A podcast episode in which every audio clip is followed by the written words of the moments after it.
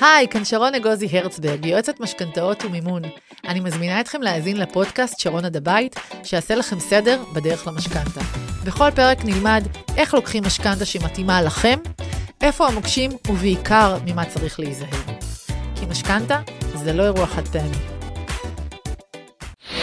אתם מאזינים לספריית הפודקאסטים של רדיו תל אביב. שרון, תצילי אותי. עם יועצת המשכנתאות שרון הרצברג. היי, כאן שרון הרצברג, יועצת משכנתאות ומומחית לבנקים, ואתם איתי בעוד פרק של שרון תצילי אותי. היום אני רוצה לדבר על משכנתה לרכישת דירה מיד שנייה. מה זה מיד שנייה? בעצם רכישת דירה או בית מאנשים פרטיים, בשונה מרכישת דירה בקבלן, עליה דיברתי בפרק הקודם. אז יאללה, בואו נתחיל.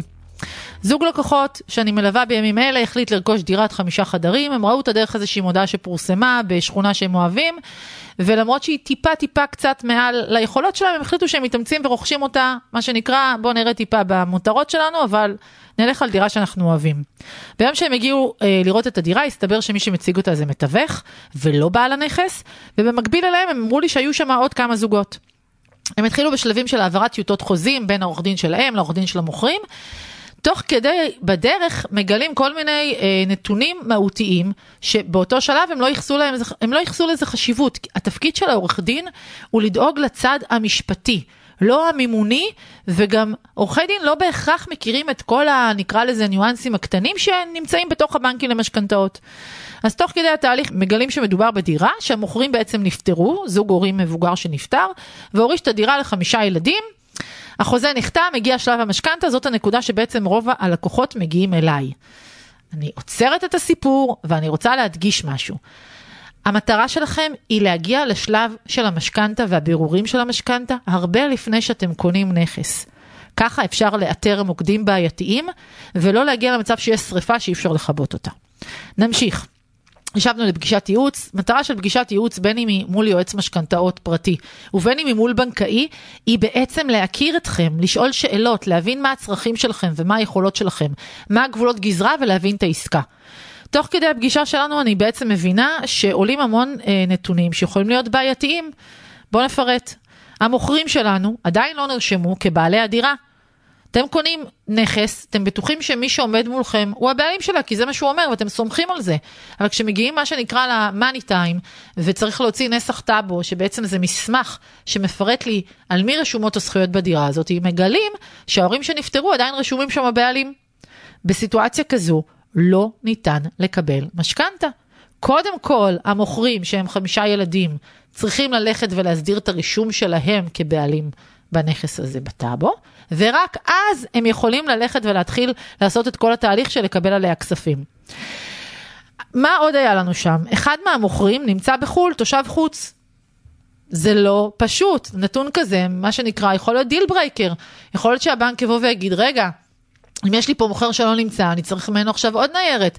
זה ישים, זה לא ישים, באיזה מדינה הוא נמצא, האם במדינה הזאת יש קונסוליה, מישהו שיכול להחתים אותו על ייפוי כוח נוטריוני ספציפי בלתי חוזר לעסקה, אה, אם יש למוכרים בני זוג אז גם בני זוג יידרשו לחתום על מסמכים של הבנק שאומרים, אנחנו לא נבוא בטענות אם יקרה משהו. יש המון המון דברים ונתונים שצריך לקחת בחשבון לפני שנכנסים לעסקת דירה יד שנייה. זאת אומרת, העורך דין עושה את התפקיד שלו, גם לכם יש תפקיד. התפקיד הוא, דבר ראשון, לבדוק מה מצב הנכס. תנסו לראות את הנכס יותר מפעם אחת. פעם אחת בשעות הבוקר, פעם אחת אולי בערב. מי גר שם? האם המצב הפיזי של הדירה בסדר, או חלילה יכולה להיות לי פה בעיה? כי רובנו, רוב הלקוחות, הולך וחותם על דירה, ורק אחרי שהוא נכנס לתהליך אה, אה, מול הבנקים למשכנתאות, הוא בעצם פונה לשמאי. חברים, דירה יד שנייה, בשונה מדירה מקבלן, מחויבת בביצוע שמאות. שמאי זה העיניים של הבנק, אין אף אחד מעבר לשמאי שבעצם מגיע פיזית לנכס א', בודק בכלל שיש נכס. אני עכשיו אה, חזרתי מחתימות עם לקוחות, וההורים שבאו לחתום איתם שאלו, למה צריכים לעשות שמאות על הנכס שלנו? יש לנו בית פרטי בנחלה, הוא שווה עשרה מיליון שקלים. אז אני חוזרת ואומרת, השמאי הוא העיניים של הבנק. הוא זה שיוצא לשטח ובודק דבר ראשון, שבאמת אנחנו משעבדים נכס, ולא משעבדים עכשיו אה, מחסן או אה, קרקע חקלאית לצורך העניין, זה יכול להיות מלא דברים. אז דבר ראשון, לבדוק את המצב הפיזי של הנכס. שמאות זה משהו שאתם תצטרכו לעשות בכל מקרה. כמו שאמרתי קודם, רוב האנשים יעשו את זה בשלב שהם הגיעו לתהליך לקיחת המשכנתה, משהו כמו חודש וחצי לפני שנדרשים הכספים למוכרים. מה יכולה לגרום שמאות? שמאי יכול להגיד שהדירה לא שווה את מה שחתמתם עליה. אם לצורך העניין רכשתם דירה בשני מיליון שקלים, המחיר שנקוב בחוזה, והשמאי בא ואומר, רגע, יש פה איזשהו חלק בדירה שנבנה ללא היתר. גנב, המוכרים גנבו אה, חלק מה, נקרא לזה, אה, גינה המשותפת של הבניין, אה, מישהו בפנטהאוז גנב את הגג, אה, מישהו פיצל דירה ללא היתר במקום ליחידת דיור אחת, עשה אותה שני יחידות דיור או שלוש יחידות דיור, אולי אפילו יותר, כל מיני דברים שיכולים להיות מהותיים. וכשאני אומרת מהותיים, זה אומר שאם שווי הנכס עכשיו, לפי הערכת שמאי, יהיה נמוך יותר, אז הבנק יגזור את הכסף שהוא נותן, את אחוז המימון שהוא נותן, מתוך השמאות. תמיד זה יהיה הנמוך מבין השניים. אם יש מחיר חוזי והערכת שמאי, לפי הנמוך מביניהם. אז אם חתמתם על דירה שבמחיר החוזי היא 2 מיליון, והשמאי העריך אותה במיליון 800, ואתם צריכים 75% מימון, אז הבנק יגיד, אני נותן 75% מתוך מיליון 800, והופ, חסר לנו כסף להון עצמי. אז טיפ הראשון ברכישת דירה יד שנייה, זה אם אתם צריכים אחוז מימון גבוה. היום, בנק ישראל מחשיב אחוז מימון גבוה כל עסקה שהמשכנתה בה היא נלקחת מעל 60% משוויה. כלומר, על כל מיליון שקל דירה, אם אתם צריכים יותר מ-600 אלף שקל, זה נחשב אחוז מימון גבוה. באחוז מימון גבוה אני ממליצה לעשות שמאות לפני שחותמים על חוזה. אתם חייבים להבין, אתם מתעסקים בעסקת חייכם, גם אם זה לא הנדלן הראשון שאתם קונים, גם אם זו דירה שנייה או שלישית, זה עדיין משהו שאנחנו לא עושים אותו כל יומיים. אנחנו לא קונים טוסטר ואנחנו לא קונים מקרר, ואפילו לא מכונית. ודרך אגב, רובנו לוקחים מכונית אה, שאנחנו קונים מבן אדם פרטי לבדיקה. אותו דבר על הנכס. שמאי יכול לגלות המון דברים מהותיים. שמאי יגיד לכם אם היא שווה פחות. אה, על שמאות שלוקחים שמאי מתוך רשימה של בנקים לפני שחותמים על חוזה רכישה, יכולה לעלות עוד 1,500, 2,000 שקל יותר. אני הרבה פעמים נתקלת בלקוחות שהם קצת מתעצבנים על זה, קצת כועסים על זה, קצת עצובים מזה, קצת מתמרמרים מזה. חברים, זה בטל בשישים לעומת הנזק שיכול להיגרם אם אתם לא תיקחו שמאות לפני רכישה. במיוחד במיוחד בנכסים שהמיקום הגיאוגרפי שלהם בעייתי, בנכסים שהם בקומה שלישית רביעית ומעלה בלי מעלית, בנכסים מאוד ישנים. אם זה נכס שנבנה לפני 20, 30, 40 שנה, תבדקו שיש שם היתר בנייה. תבדקו שהנכס נבנה, נבנה לפי ההיתר בנייה. המוכר יכול להיות מישהו שקנה את הדירה. מה שנקרא שרשור עסקאות, אתם כבר קונים מבן אדם שגר שם אחרי שחמש משפחות שונות גרות שם, והוא רק יודע להגיד את מה שהוא יודע. ככל שאני יודע, אין פה בעיה. ואולי יש והוא לא יודע. עכשיו תבינו, עסקה יד שנייה, בשונה מקבלן, נכון שאנחנו רואים, יש לזה יתרונות, אנחנו רואים את הדירה, המחיר שרשום בחוזה הוא סופי ואין לי עליו הצמדות למדדים אה, לא ידועים, אני מה שנקרא יכול למשש, להריח, לראות, אני יכול להביא חברת בדק בית, אבל יש דברים שהם לא, לא, מה שנקרא, נתונים שלא ידועים בידינו. ואז הרבה פעמים העורך דין מכניס איזשהו סעיף לחוזה שאומר שלא ידוע לי על נזילות, המוכר מתחייב שהוא לא ידוע לו על מצב אה, אה, לא תקין בנכס, והמוכר יכול להגיד, אני באמת לא יודע, ולחתום על זה, והכל בסדר. ואפשר להיכנס לדירה ולגלות ברוך שיעלה לכם 100 או 200 אלף שקל, שאתם צריכים להתמודד איתו, כי שוב, אין אף אחד שיממן את זה, כי עסקת הרכישה נגמרה, וגיליתם את זה רק אחרי ובדיעבד. אז בדירה יד שנייה אנחנו צריכים לשים לב לכמה דברים. דבר ראשון שאנחנו נשים לב אליהם, זה קודם כל מי המוכרים. האם מי שמציג לי את הנכס הוא המוכר, ואם מי שמציג לי את הנכס הוא לא המוכר, אז בואו רגע נראה מי המוכר. בן אדם אה, שנמצא בארץ, בן אדם כשיר וצלול, או שיהיה לי אחר כך איזושהי בעיה איתו. הדירה רשומה על שמו בטאבו, או ברשות מקרקעי ישראל, או רשומה על שם הבן שלו, הבת שלו, ההורים שלו, או כל קונסטלציה אחרת. מה המיקום הגיאוגרפי של הנכס הזה? האם יכולה להיות שם בעיה לתת משכנתאות? יש בנקים למשל, שבאזורים כמו יהודה ושומרון, יש להם מגבלות מסוימות, או לסכום המשכנתה, או לביטחונות. אה, יש בנקים שבקומה רביעית, בלי מעלית, יכולים להגיד אה, שווי הנכס נמוך יותר ממה שכתוב בחוזה, או כל מיני דברים אחרים שיכולים להוות לנו בעיות. אה, באיזה מקרים אני ממליצה עוד לקחת שמאות לפני חתימה על חוזה?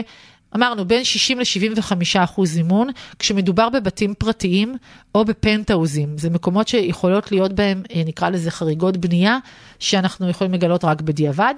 שאלה חשובה נוספת, האם למוכרים יש משכנתה? ומה הם מתכוונים לעשות איתה? האם הם מתכוונים לפרוע אותה, או האם הם מתכוונים לגרור אותה לנכס שהם עוברים אליו? מתי כל הדבר הזה קורה בתוך לוח התשלומים שלי? האם הם בונים על הכסף שאני הקונה מביא מהבית כדי לפרוע את המשכנתה, או האם הם בונים על הכסף שאני כקונה מביא מהמשכנתה של הבנק שהם מתכננים? ומתי כל זה קורה? בואו נניח שהמוכר יש לו משכנתה של מיליון, ואני הקונה, ואני לוקח משכנתה של 600 אלף שקל. הבנק לא ייתן לי 600 אלף שקל, כי עדיין יישאר שם חוב משכנתה של 400. ואז צריך לעשות תוכנית מימון אחרת שאומרת, אני קודם כל אסלק איזשהו חלק מהמשכנתה שלך, מהכספים שלי כקונה, ואני אשאיר שם יתרה שמתיישבת עם הסכום שאני לוקח כמשכנתה, כדי שלא תהיה לי בעיה. מה לוח התשלומים מול המוכרים? האם בתוך לוח התשלומים האלה יש חגים? אז אל תגיעו ברגע האחרון. חגים וחופש גדול זה אה, זמנים בתוך השנה שהבנקים נמצאים בכאוס לא נורמלי. תמיד יש חופשות ותמיד יש מיעוט בבנקאים, שגם ככה בשנה, שנתיים האחרונות העבירו את כולנו למוקדים טלפונים ומוקדים דיגיטליים, ואין כל כך עם מי לדבר. ואם אין יועץ משכנתאות בבנק שייתן לכם את המשכנתה, אז לא יעזור כמה אתם בהפרת חוזה, אתם תיאלצו להמתין, וזה יעלה לכם בכסף. אה, האם כספי המשכנתה שאנחנו לוקחים משולמים בתשלום אחד למוכרים? זאת אומרת, אם אני לוקחת מיליון, אני לוקחת מיליון בראשון לעשירי, או האם המיליון הזה מתחלק על פני כמה שלבים? בואו נניח שהמועד מסירה של הדירה שאני קונה היום הוא בראשון לפברואר 2023, אז האם בלוח התשלומים התחייבתי לתת לו 300 אלף שקל באוקטובר ו-400 אלף שקל בדצמבר ועוד איזשהו סכום כסף בסוף במסירה? יש לזה משמעות מבחינת לוח התשלומים ותוכנית המימון, מתי אני מושך כספים מהמשכנתה. ומתוך המשכנתה, איזה מסלול כדאי לי למשוך היום, ואיזה מסלול כדאי לי למשוך בעוד חודשיים, ואיזה מסלול כדאי לי למשוך בעוד ארבעה חודשים. ואם כספי המשכנתה שלקחתי יספיקו לי, או שבדירה יד שנייה אני אצטרך שיפוץ. אוקיי, חברים, כל הדברים האלה אנחנו צריכים בשלב המקדים כדי להימנע מכל העוגמת נפש. הטיפ של שרון הטיפ שלי להיום זה אל תחתמו על חוזה רכישה מבלי שווידאתם מתי ההון העצמי שלכם משולם ומתי נכנסים כספי המשכנתה. שזה תואם לפירעון המשכנתה של המוכרים, בין אם הם פורעים אותה במלואה, משלמים אותה ומסלקים אותה מהבנק, או בין אם הם גוררים אותה. שאין צדדים נוספים שיכולים לעכב או לגרום להפרת חוזה אם יש שרשרת עסקאות. תמיד להכין על ציר הזמן מתי אנחנו מקבלים כסף, מתי אנחנו משלמים אותו ומאיזה מקור הכספים. ולבדוק אם הבנק מסכים להיות כסף שני או אמצעי בעסקה, ולא מחייב אותנו בלהיות כסף אחרון בעסקה. תודה שהייתם איתי, תודה לניר אקמן שהיה טכנאי שידור ולצוות האולפן, ואנחנו ניפגש בפרק הבא של שרון תצילי אותי.